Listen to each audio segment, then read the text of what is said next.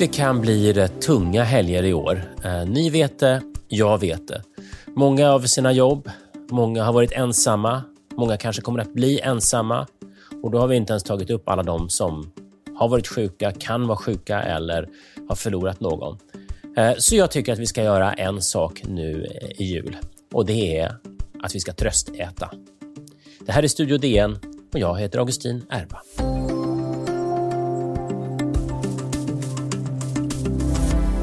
Ja, helgerna närmar sig eh, med stormsteg eh, och en av dem som närmar sig är jul och julafton. Och med mig för att hjälpa mig och er att få en rimlig julmatsjul i år är eh, DNs matredaktör Elin Peters. Välkommen! Tack så mycket. Elin, hur ska man tänka när man handlar julmat i år? Det man ju först och främst måste fundera över är hur många man är och vilka förutsättningar det är för julafton, därför att det, det är ju det som avgör.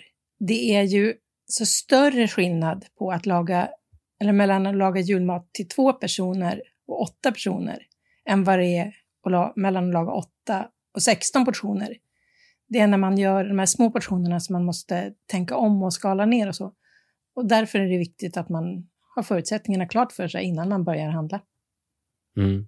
Jag ehm, vet att jag pratade med, med vår programledare Sanna här om, om hur det var i, i Washington.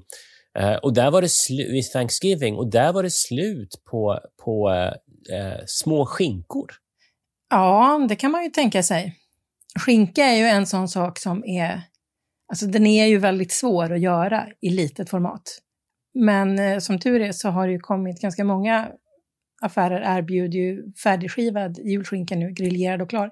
Så kan man köpa 200 gram färdigskivad istället i lite tjockare skivor. Det passar ju även om man inte är bara två, utan även för ett hushåll på sex så räcker det säkert ganska bra på julafton. Det här var redan det första tipset. Eh, köp den färdigskivade skinkan istället om man är lite färre. Men jag vill, jag vill faktiskt protestera. Då. Det är ju det är otrevligt av mig. Här bjuder jag in dig för att du ska berätta hur vi ska göra. Nu vill jag direkt protestera här. Men det här med att fundera på om man är två eller åtta. Eh, jag brukar ofta ha samma diskussion med min fru, ska jag säga. Hur mycket mat ska man köpa? Och Min teori är ju att, att man kan köpa hur mycket mat som helst eh, om man har möjlighet.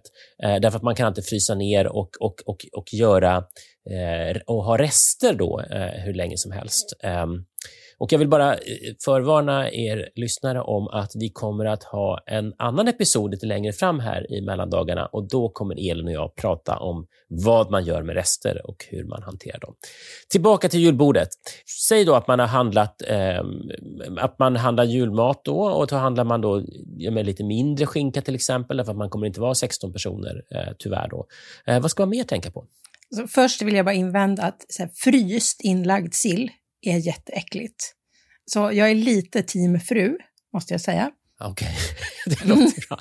Men, man kanske, ja, men, men, men, men sill blir ju inte dåligt. Den kan man väl bara, den kan väl bara låta vara kvar i sin burk i kylskåpet, eller?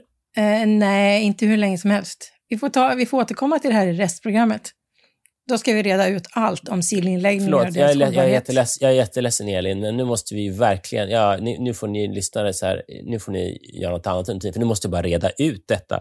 Vadå? Jag, jag, liksom när jag har en se, burk senapssill eh, som har stått öppen ett år, så äter jag av den utan att blinka. Då är jag glad över att få träffa dig här i DNs podd. Eh, alltså för sininläggningar håller ju kanske inte mer än ett par dagar. Och de klibbiga håller ju ännu kortare. Sen, alltså om man köper färdig så innehåller väl de konserveringsämnen som gör att de har lite längre hållbarhet. Men ett år, ja, till alla DNs lyssnare vill jag säga, gör det inte. Det här är ju otroligt. Och jag som alltid är så petig med mat så här, jag har ju ätit inlagd sill som har varit... Eh, och det har jag gjort i hela mitt långa liv. Ja, ja, se där. Vi är glada att det livet har blivit så långt. ja, verkligen. Ja, det var ju bra att vi gjorde den här lilla avstickare. Ja, jag beklagar alla lyssnare, men så kan det vara. Jaha, ni ser, jag får lära mig saker idag. Um, jag, börjar, jag, jag, kommer helt av mig här, för nu sitter jag liksom i mitt huvud och försöker gå igenom så här, när jag senast åt av en sån där burk som står i kylskåpet, så kan jag tänka så här, var det mer än ett dygn sedan? Men det var det nog. Ja, förlåt. Elin, berätta mer. Vad, vad ska man eh, äta i... Vad, vad, ska man tänka mer på när man handlar julmaten, förutom att man kanske inte ska köpa för stora eh, bitar mat då, eftersom man är färre? Ja, alltså problemet med julmaten brukar ju alltid vara att man har alldeles för mycket. Och i år så ska man nog tänka sig för ännu lite mer. Så att man, om man är ett litet sällskap, handlar ju det här om då i första hand, om man är ett litet sällskap så är är det kanske större anledning att välja de sakerna som man verkligen tycker om. Och är det till och med så att man är en av de som är tvungen att fira jul ensam, för det kommer ju vara ganska många som får göra det också, då tycker jag att man verkligen, alltså julmaten är ju mycket traditioner och mycket gemenskap. Man ska tänka igenom vilka rätter och vilken mat det är som är så god så att man vill äta den utan sällskap. Vilka rätter som är liksom så viktiga i sig själv så att man vill ha dem och äta dem på julafton. Och vilka som mera är så här, ja men eh, farbror Bertil älskar ju sillsallad så då ska vi ha sillsallad. Och välja bort det som inte känns nödvändigt för om man är ensam och dessutom har hela kylskåpet fullt av rester, då kommer det att kännas ännu jobbigare. Mm. Så man ska välja noga vad man vill ha. Och sen så tror jag att man kan, alltså nu för tiden så finns det ju ganska bra delikatessbutiker i många stora butiker. Eller delikatessdiskar. Och där så kan man, till exempel om man gillar Jansson jättemycket, så kan man köpa en bit Jansson och fem köttbullar. Och så behöver man inte köpa ett kilo och göra en jättestor form, utan att man man funderar vad det är man verkligen vill ha och sen så försöker man köpa lagom stora förpackningar av det. Mm. Vi ska strax återvända. Då kommer ni att få veta inte bara vad Elin verkligen vill ha till julbordet, utan också vad man ska dricka och hur man ska servera sin mat om man nu inte är ensam, utan om man är några stycken i alla fall. Vi är strax tillbaka.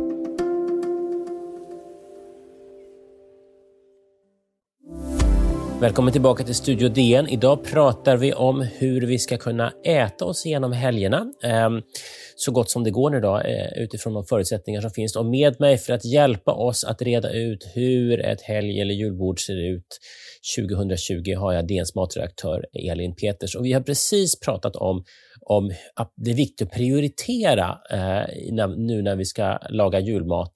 Eh, och ehm, vi kanske inte är så många som vi hade kunnat vara. Ehm, och eh, då sa du, Elin, att det är viktigt att man vet vad är det som är värt att äta även om man är ensam. Ehm, och nu undrar jag, vad är det som du inte kan undvara på ditt julbord? Sill.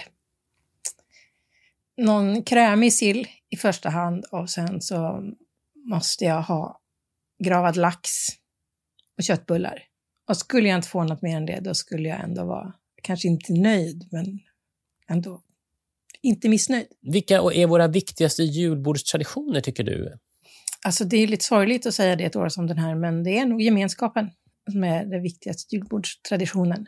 Vi har ju en idé om att den maten vi äter och så har väldigt långa anor tillbaks och så, men mycket av de traditioner som vi har kring vad som ska vara på julbordet, de har ju skapats kanske runt 70-talet eller så och framåt. Som vad då till exempel?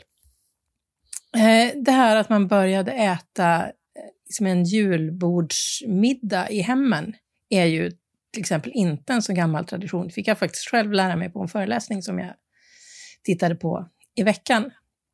Innan dess så åt man kanske oftare liksom en middag bestående av tre rätter.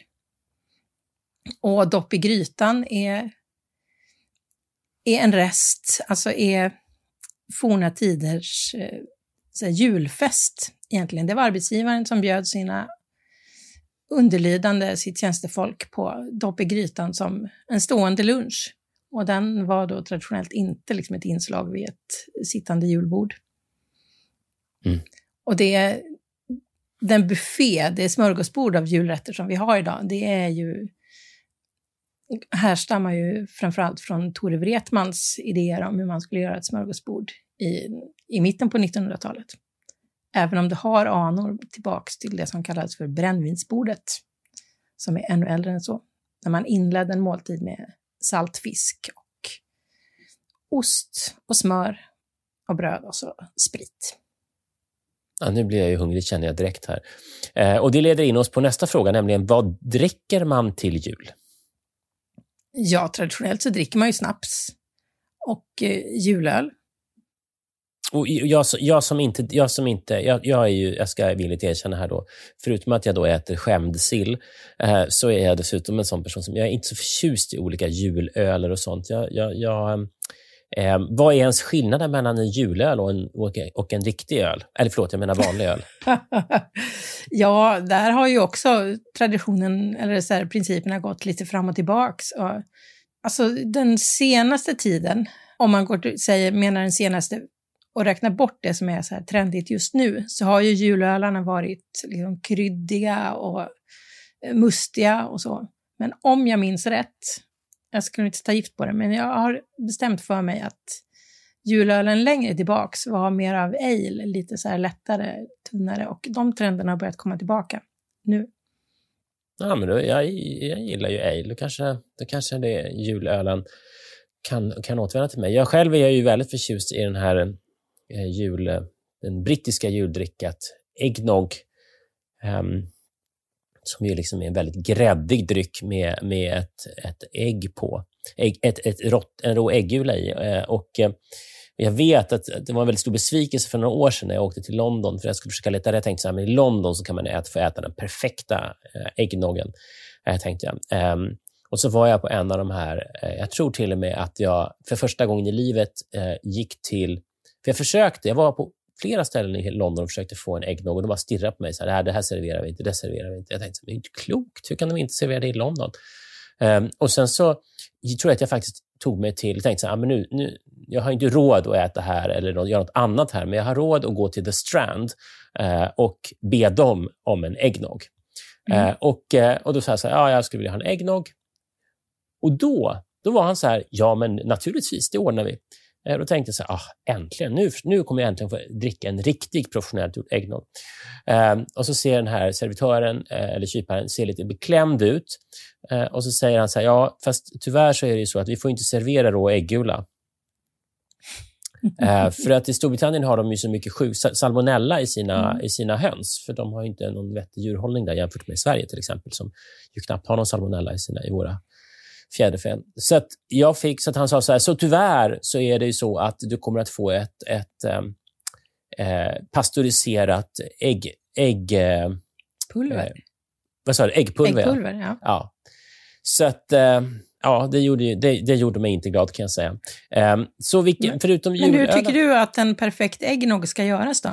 Alltså det är så komplicerat så då måste, det måste vi nog ha ett 20 minuters program bara om det kan jag säga. För jag fick prova mig fram och jag lyckades till slut eh, leverera en äggnog som jag själv var nöjd med, men som ingen av mina släktingar var nöjd med. Så att jag, jag, vi får, jag får återkomma till det, se om jag kan be eh, Sabina här om att få göra en äggnog special i så fall till jul. Men det, det får ni i så fall ni lyssnare mejla in och önska er. Då kan vi göra en äggnog special.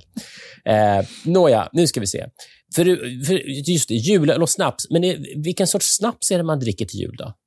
Alltså det, det finns ju klassiska snapsar som OP och sådär, men det är ju hyfsat utbrett att ändå krydda sin egen julsnaps, tycker jag. Gör man det? Eh, ja, då väljer man vilka kryddor man tycker är goda. Och sen så några veckor före jul så lägger man dem i lite sprit för att dra. Och då får man som ett koncentrat som man, som man sen kan spä ut och så kanske med lite svagare sprit och så kan man se om man behöver smaka upp det lite med någon honung eller lite sådär. Det är ju superlätt du får det verkligen, jag tänkte skulle säga det, du får det att låta superenkelt och jag bara tänker så här, kryddor som jag tycker är goda, vadå, kan man göra sprit på vitpeppar eh, vad heter det, och vitlök till exempel? ja, det eh. kan man säkert göra. Det är inte de traditionella julkryddorna, det brukar vara lite mer så här pomerans, kryddnejlika, lite besk, sådana saker. Men, eh, vad, vad, lite besk, vad är det? Eh, alltså bäsk är ju snaps som man har gjort på malört. Som, som får ju en väldigt, väldigt bäsk smak. Som man kan, om man är lite hardcore så dricker man den väldigt bäsk och är man lite mindre hardcore så kan man blanda i lite honung och runda av den där bäskan och så.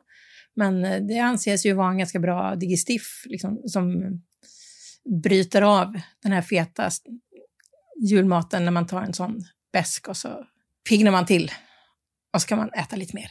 Tack så väldigt mycket Elin Peters, eh, DNs matredaktör, för dessa fantastiska eh, och mycket genomtänkta råd. Eh, själv tar jag med mig att jag inte ska äta sill som har legat i kylskåpet i ett år, till exempel.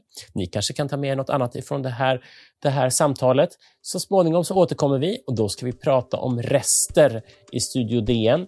Eh, producent för Studio DN är Sabina Marmulakai. Eh, det görs för Podplay. Eh, exekutiv producent eh, och programledare idag det är jag, Augustin Erba. Ljudtekniker Patrik Misenberger. Teknik Oliver Bergman, Bauer Media. Och vi hörs.